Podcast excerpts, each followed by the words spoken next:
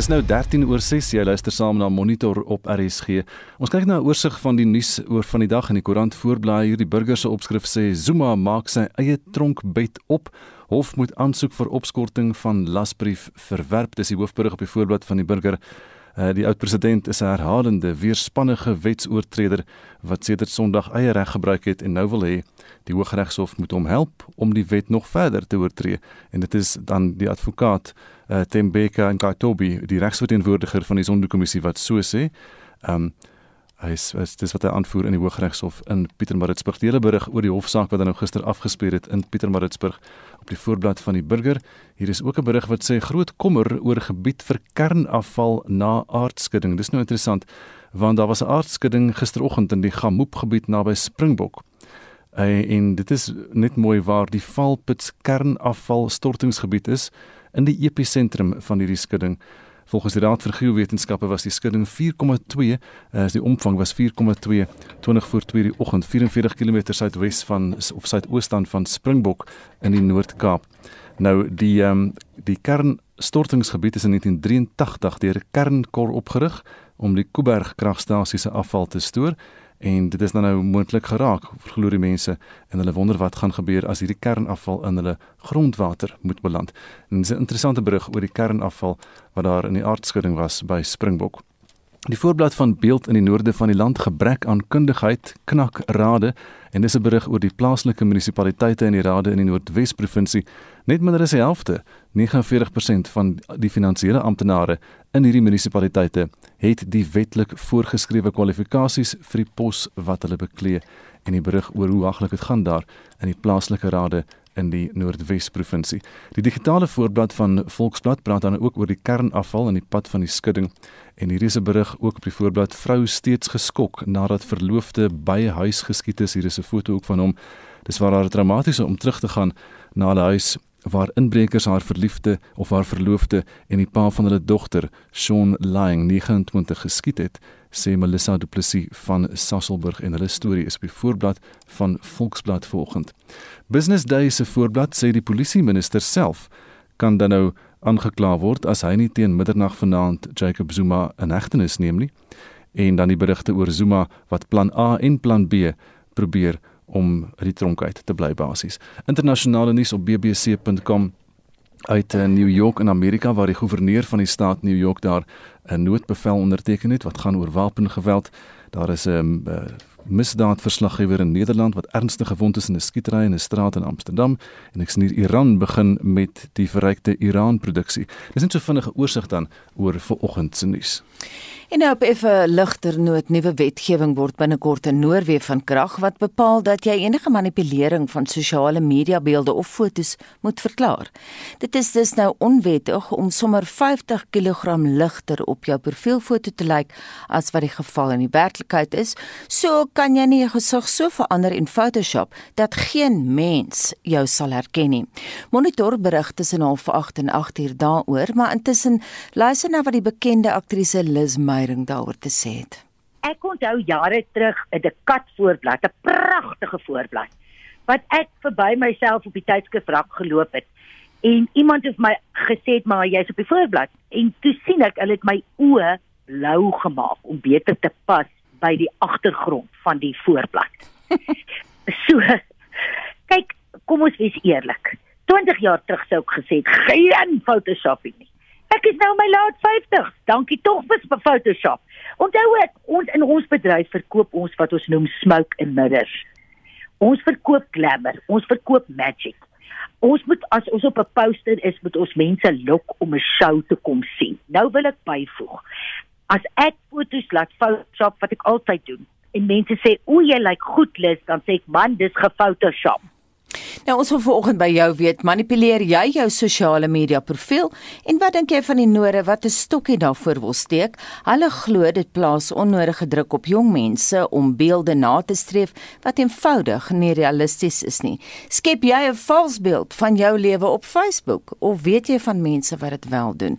Stuur vir ons 'n SMS na 45889, dit kos R1.50 of gaan gesels saam op ons Facebookblad by facebook.com vorentoe rsg of WhatsApp vir ons stemnota na 076 536 6961.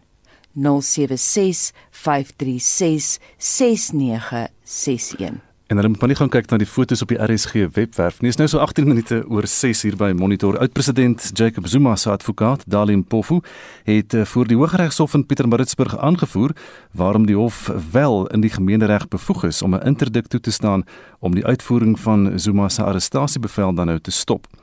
Die minister van polisie, Bekkie Cele, en die nasionale polisiekommissaris, Kethla Sitole, het reeds aangedui dat hulle nie die arrestasiebevel sal uitvoer alvorens Zuma se regsgeding afgehandel is nie. Nou die konstitusionele hof sal maandag die aansoek om tersydestelling aanhoor.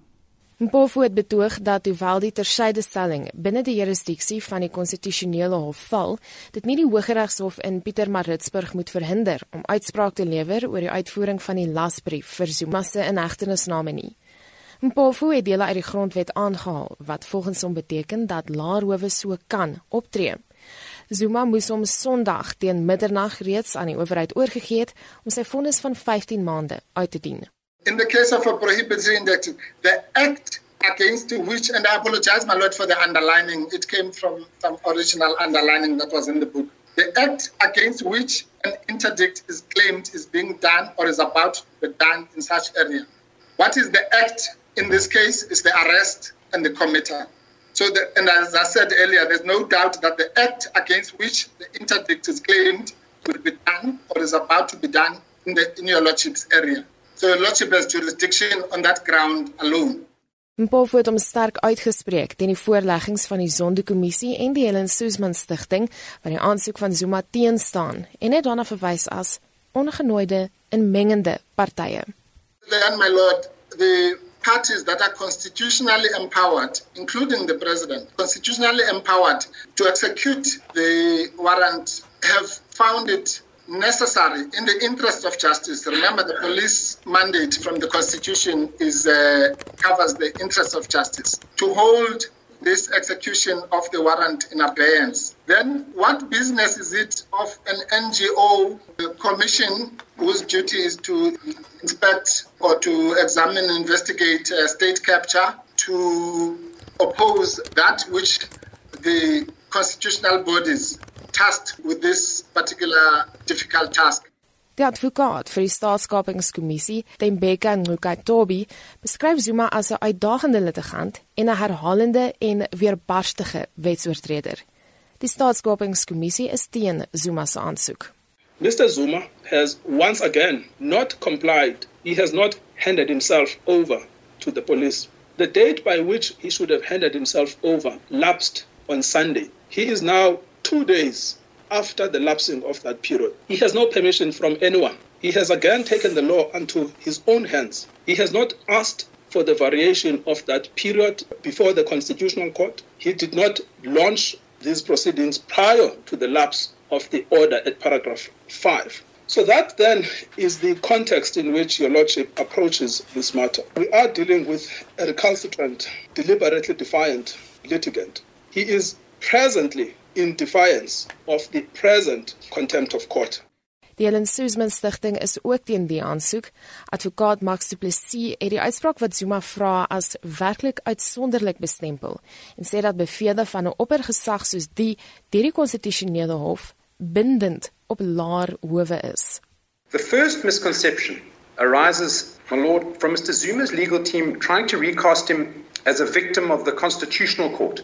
And we've heard repeated references by Mr Mpofu, our learned friend, to Mr Zuma's dignity and his liberty, and the need for habeas corpus, and so on. But Mr Zuma is no victim. This case is about past and ongoing defiance of the rule of law through repeated constitutional deviance. And that's been exemplified throughout, my lord, by Mr Zuma's deliberate election. So, not to appear before the commission and not to argue, and of course not to comply with the court's orders.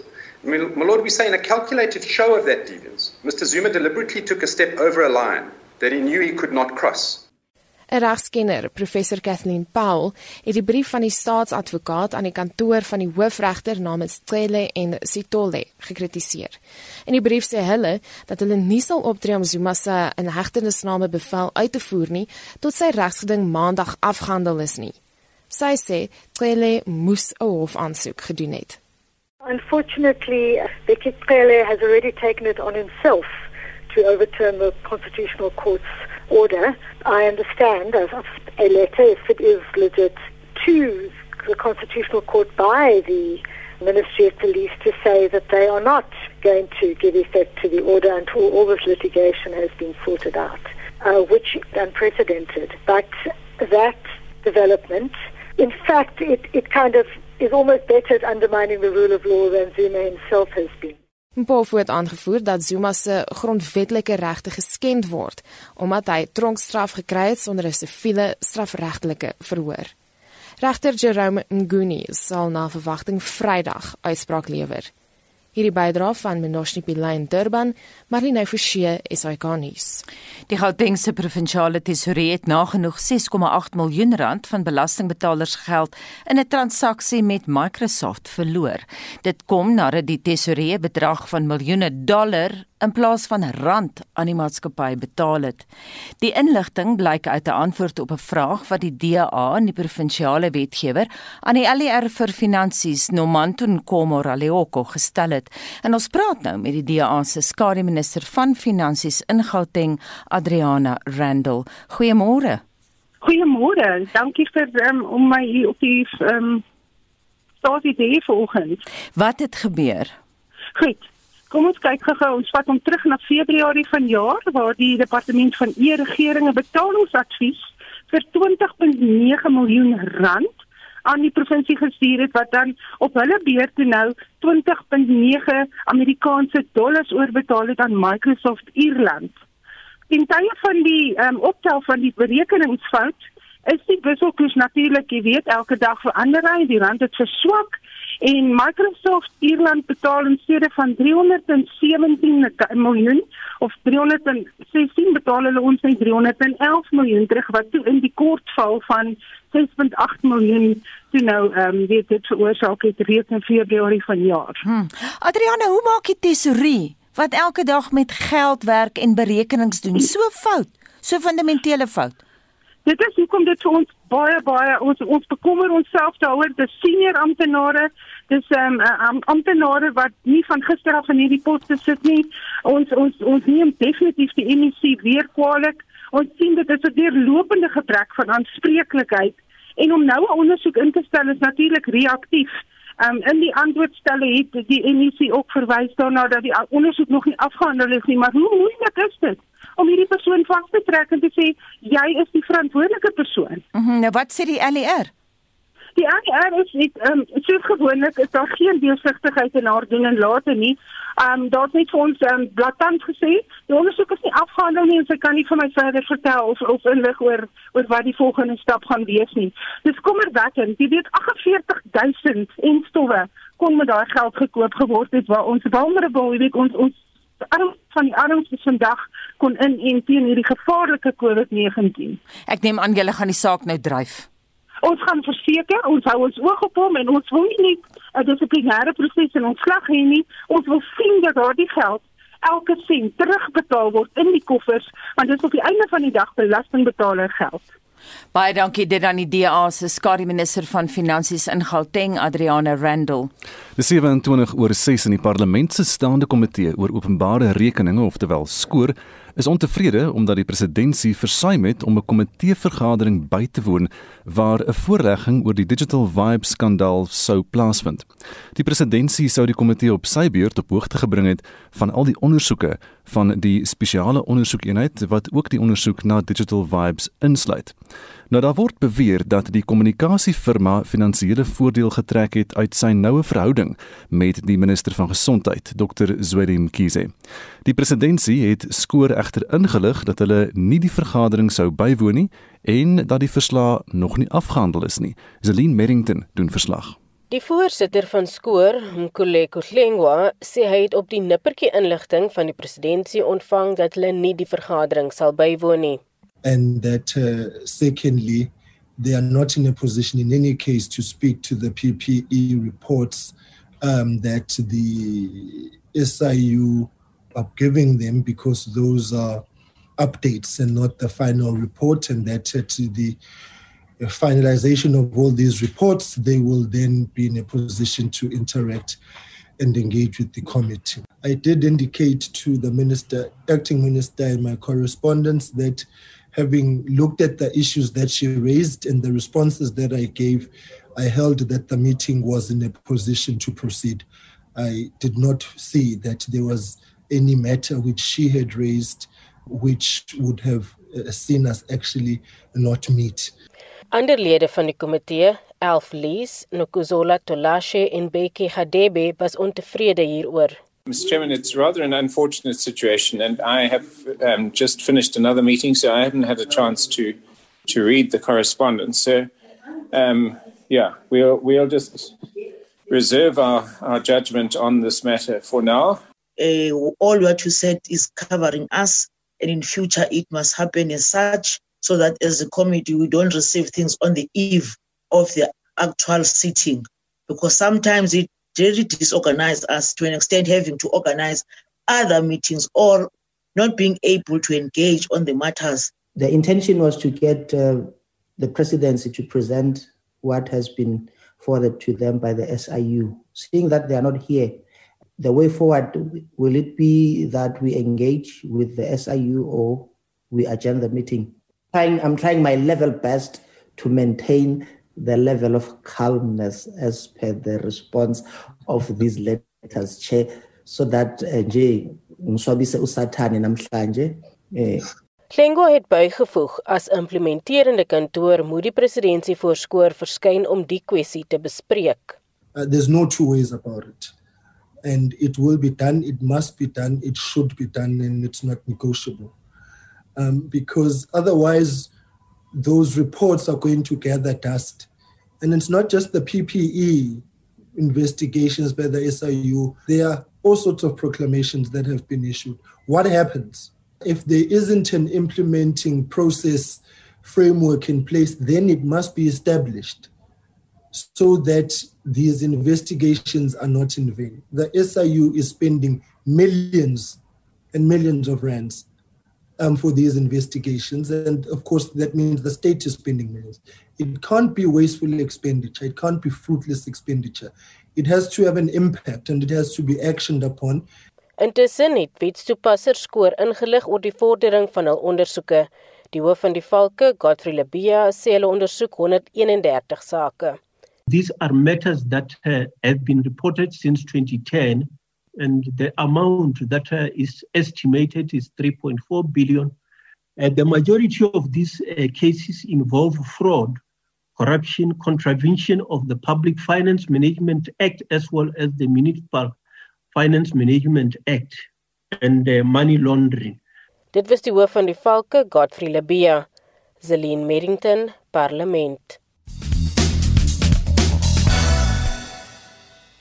Estie Ons praat vanoggend oor manipulering op sosiale media en Marlene Jolyn sê my seun het eendag gesê die meisies verander hulle gesigte so op Facebook as hulle as vermis aangemeld gaan word sal 'n mens nie weet na wie om te soek nie.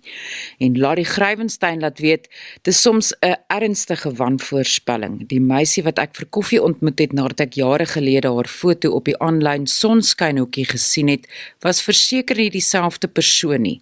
Die koffie het my mond so verbrand dat ek nie verder kon praat nie. En Alet Beets skryf: Ek het nie fotomanipulering nodig om my gesig te verander nie. Die masker doen dit alreeds baie meer oorspronklik. En Freek Jackie Mohammed sê 'n valse beeld is gevaarlik. Op Facebook lyk sy soos die rapper Nicki Minaj, maar in die regte lewe lyk sy asof 'n tornado uh, asof sy nou net 'n tornado oorleef het. Ons uh, praat vanoggend oor nuwe wetgewing wat binnekort in Noorwe van krag gaan word wat bepaal dat enige manipulering van sosiale media beelde of fotos dat jy dit gaan moet verklaar en ons wil vanoggend by jou weet manipuleer jy jou sosiale media profiel en wat dink jy van die nore wat 'n stokkie daarvoor wil steek skep jy dalk 'n vals beeld van jou lewe op Facebook of weet jy van mense wat dit wel doen? Stuur vir ons 'n SMS by 45889 teen R1.50 per SMS. Gesels saam op ons Monitor en Spectrum Facebook bladsy of WhatsApp vir ons stemnota na 076 536 6961. 22 minute voordat ons by 7uur kom nou die ANC se nasionale uitvoerende komitee het die kantoor van die sekretaris-generaal en die party se provinsiale sekretaris in KwaZulu-Natal opdrag gegee om onmiddellik tugstappe in te stel teen die organiseerders van die naweek se aktiwiteite by die woning van die oud-president Jacob Zuma in Kandla. Dis een van die besluite wat by 'n spesiale NK-vergadering geneem is in reaksie op die gebeure wat op Zuma se tronkvonnis van 15 maande gevolg het. Honderde van Zuma se ondersteuners het buite sy huis in Kandla bymekaar gekom in stryd met die nasionale COVID-19 inperkings. Dit is ten spyte van die ANC se versoek aan sy lede om nie in groepe bymekaar te kom nie wat in superverspreidingsgeleenthede kan ontaard nie. Die party se adjunksekretaris-generaal, Jesse Duarte, het tydens 'n media-konferensie in Johannesburg gesê dat stappe sal teen al die organiseerders van die byeenkoms ingestel word.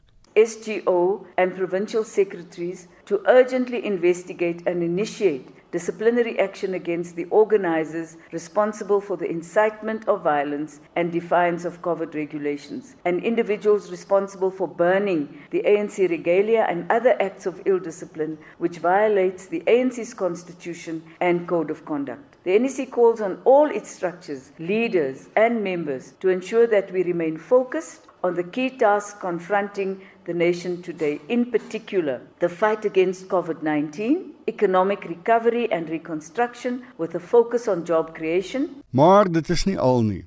'n Toespraak wat die geskorste sekretaris-generaal Ys Magashule buite Zuma se huis gelewer het, het sommige NK-lede kwaad gemaak. They want to finish the African National Congress. They want to disband every branch. They want to disband and remove comrades. When they disband you as a branch, you must still be a branch.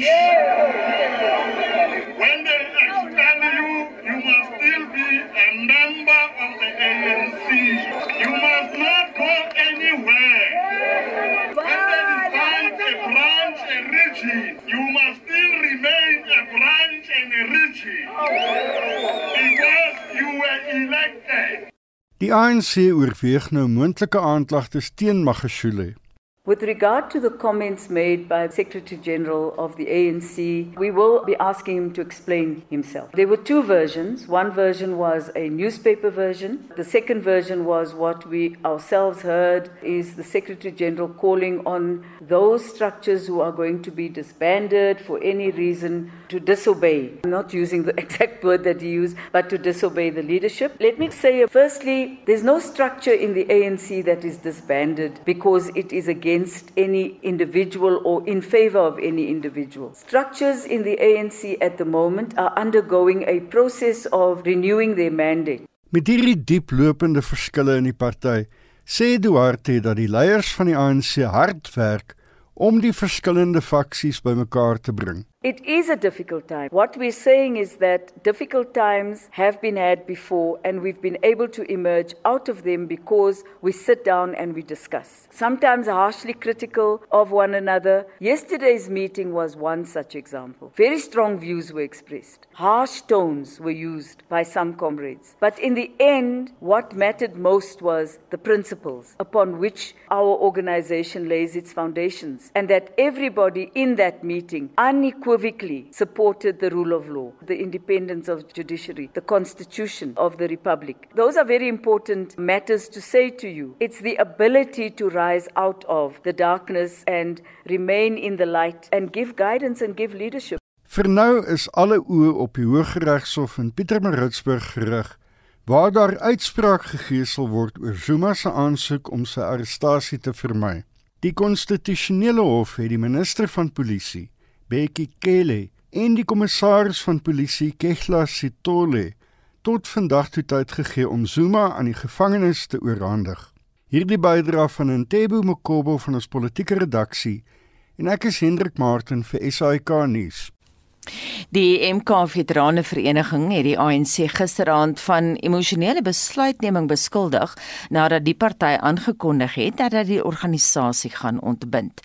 Die woordvoerder van die MK-MVA, Karl Neus, het bygevoeg dat die president van die organisasie, Kebbi Mapatswe, vanaand 'n dringende vergadering met die uitvoerende komitee van die MK-MVA oor die saak sal hou.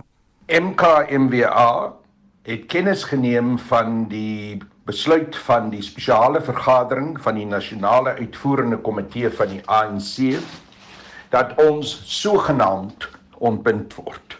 MKMBA wil dit baie duidelik maak dat ons nie hierdie ontbinding aanvaar nie. Dit is onkonstitusioneel en ook nie prosedureel in terme van die ANC se eie regulasies nie. Ons glo dat dit 'n emosionele reaksie van die kant van die ANC is as gevolg van ons ondersteuning vir president Jacob Zuma. Ons sal voortgaan om te bestaan as 'n onafhanklike assosiasie wat deur ons eie grondwet gereguleer word. Ons sal voortgaan om ook die mandaat wat ons ontvang het by die 5de nasionale konferensie van MKMWA wat in 2017 gehou is ten uitvoer te bring. Dit sal insluit ons ondersteuning vir president Zuma en terselfdertyd ook ons uitvoering van al die resolusies wat by daardie konferensie geneem is. Onder andere is daar ook 'n resolusie ten gunste van radikale ekonomiese transformasie. Hm. En dit was Kalneas van die MKMVA. 16 minute voordat ons kom by 7 uur nou baie Suid-Afrikaners het die afgelope week die verwikkelinge by Nkandla gevolg met hierdie MK veterane beweging wat hulle steun met die suggestie van geweld vir die voormalige president Jacob Zuma uitgespreek het. Die ANC se reaksie sê nie veel wat nuut is nie, maar sê terselfdertyd tog baie. En ons bespreek die saak nou met die dekaan van Geesteswetenskappe by Akademia professor Pieter Nieuwenhage. Goeiemôre Pieter. Goeiemôre. Jy het nou geluister na wat Kaal alles uh, te sê gehad het, maar wat is jou interpretasie van die ANC se NK se verklaring soos wat Jessie Duarte dit uitgereik het? Ja, dis 'n interessante verklaring. Uh, my reaksie is dat dit uh, in 'n sekere sin 'n baie dubbelsinnige verklaring is van die ANC se nasionale uitvoerende komitee. Dit was nou maandag gewees, die 5de Julie. Uh hoekom sê ek dit is dubbelsinnig? Aan die een kant uh, word die gebeure by Nkandla veroordeel deur die nasionale uitvoerende komitee. En uh, ons weet wat daar gebeur het. Dit was eintlik nie 'n baie mooi toneel 'n mooi prentjie wat afgespeel het by Nkandla die naweek nie. So aan die een kant veroordeel die nasionale uitvoerende komitee van die ANC dit 'n mens kan dit verstaan. Maar aan die ander kant dan word Zuma tog wel weer verdedig uh, in die sin dat die uh, ANC is nog in gesprek met hom. Uh die begrip elder, hy's 'n oudste wat na geluister moet word. Hulle die die begrip self lief vir hom. Uh die ANC is nog lief vir oud president Zuma. Ehm uh, en niemand wil tronk toe gaan nie uh en hulle hoop hy wen die saak. Hy hy wen die saak wat nou hierdie week en ons het gehoor in die insetsels wat in Pietermaritzburg afspeel. So dit is baie dubbelsinnig. Aan die een kant word die Nakandla gebeure afgewys en aan die ander kant is hierdie uh vreemde verdediging uh van uh, oud president Zuma, maar dan word daar weer aan die einde van die verklaring van die ANC gesê die oppergesag van die reg en uh, dat die ANC ondubbelsinnig verbind is aan die grondwet en die beskerming van die grondwet. So Anita, dis my dis my reaksie daarop. Is my uh, dubbelsinnige verklaring alhoewel die meerderheid van die verklaring dalk wys in die rigting van 'n kritiek op president Zuma. So jy sê dit is nou dubbelsinnig, maar is daar is daar 'n ANC siening, 'n enkele ANC siening uh van instellings soos die konstitusionele hof, die regbank en die oppergesag van die reg soos jy sê?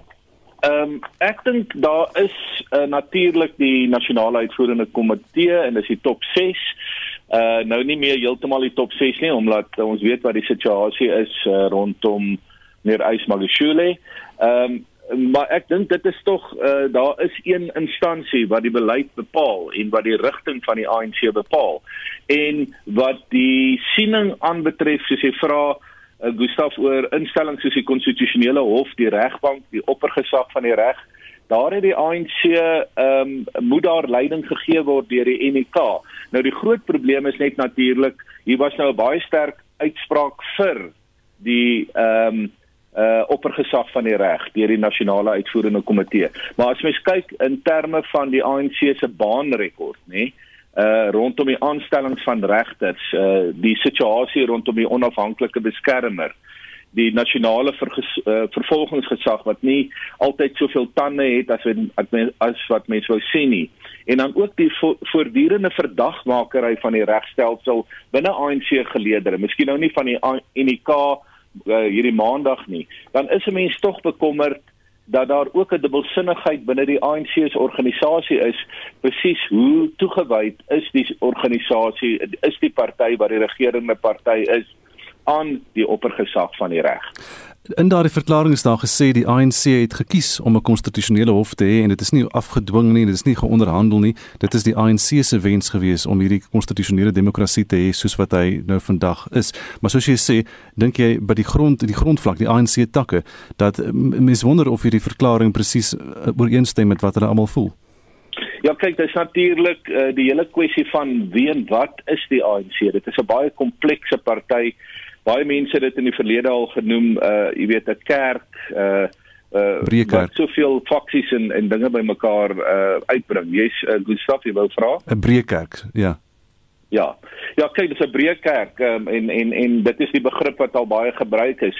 Nou die vraag is net uh, natuurlik steun al hierdie faksies die oppergesag van die reg. Ons weet daar is byvoorbeeld 'n faksie in die ANC en 'n baie invloedryke een wat wat geweldig krities is oor die rol van die howe en van 'n konstitusionele demokrasie en wat meer revolusionêre taal gebruik, jy weet, en dan eh, 'n uh, ander tipe politieke bedeling wil sien in Suid-Afrika.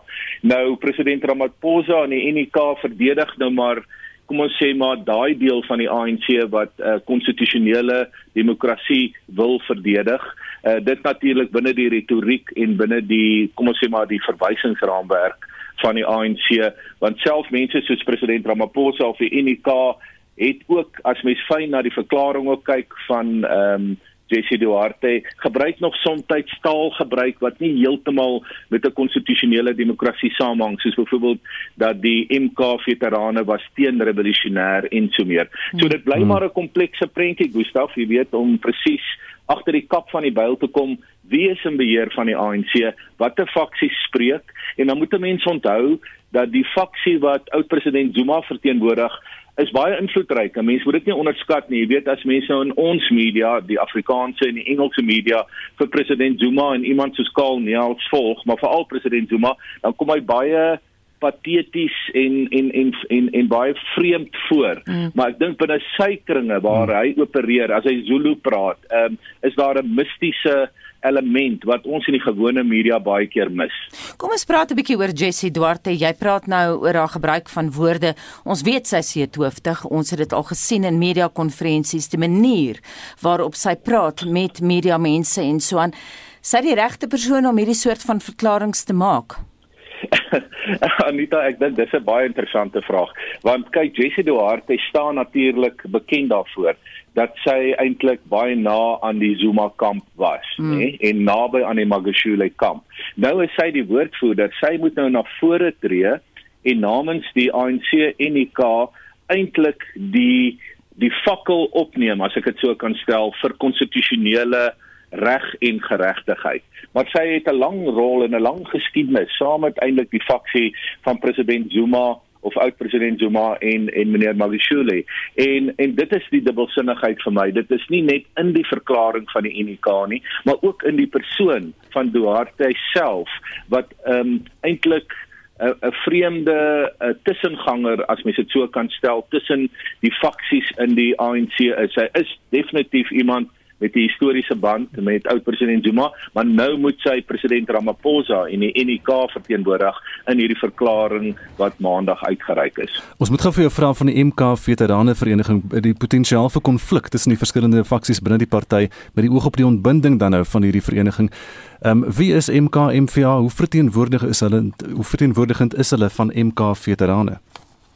Ja, dit is dis 'n interessante vraag, uh, Gustav, want die ding is net ehm um, ek dink nie die die MK veterane beskik oor soveel mag dat hulle dinge in die ANC op die in in die onmiddellike omgewing onstabiel kan maak nie. Maar mense moet nie onthou uh, of vergeet nie en mens uh, met mens, mens moet dit onthou dat die MK veterane dra bepaalde simboliese krag of 'n 'n mag binne die die die ANC. En en iemand so skaal Niels wat homself nou ehm um, in die kringe as 'n woordvoerder gevestig het, ehm um, is 'n doring in die vlees van die ANC en veral van uh, president uh, Ramaphosa. So uh, alles dui daarop dat die MK veterane ehm um, moontlik ontbind kan word. Mense sal dit maar moet dophou. Ek is nie so seker nie. Mense sal uh, want dit is maar deel van die faksiegevegte, so daar word uh, na alle kante toe argumente aangevoer, maar mense moet onthou die veterane is daarom nie deel van daai 3 eenheid as ek dit so ja. kan stel van die ANC wat die kommunistiese party uh die Kusatu en die ANC self is. Dit is maar 'n 'n aanverwante organisasie en mense moet onthou net 'n laaste punt. Daar's baie mense in die MK veterane wat groot voordeel daar uitput om so naas moontlik aan die aan die mag van die ANC te wees en nie weg van die mag nie. Dis baie interessant Pieter, baie dankie om hierdie breë kerk te probeer ontleed. Dit was die dekaan van Geesteswetenskappe aan Akademia, professor Pieter Dievenage. Die sanger Andrei Swart sê hy is so dankbaar dat hy van COVID-19 herstel het.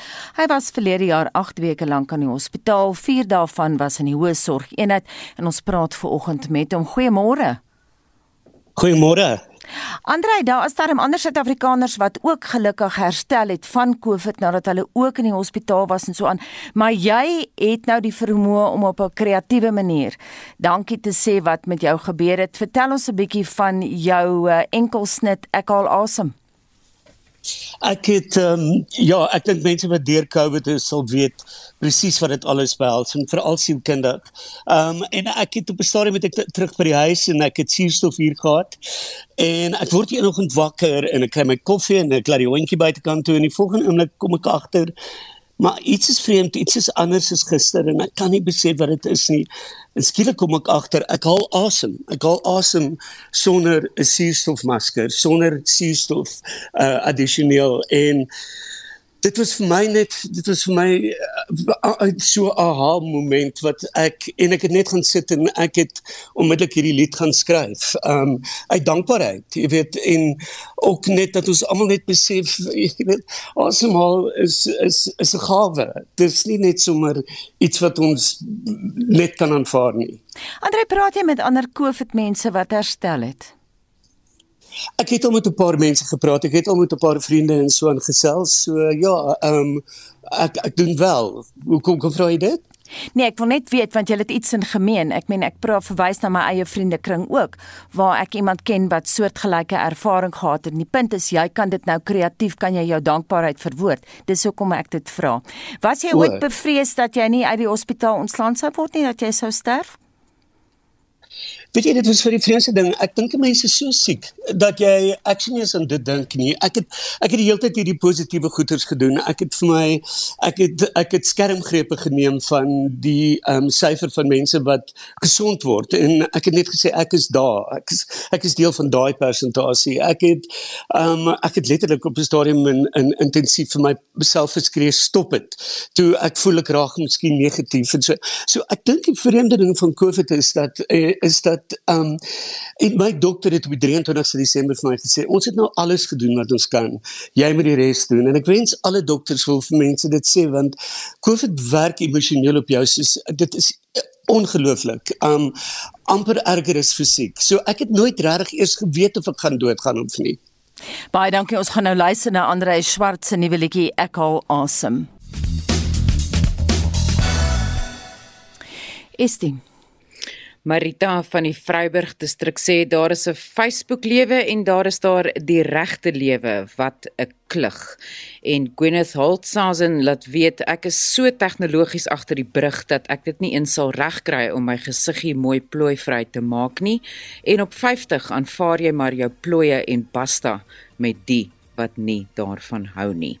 En dan sê Leonor Wildeman, mense gaan in elk geval hulle eie persepsie van jou hê al plaas jy 'n foto van jouself soos jy natuurlik lyk. Like.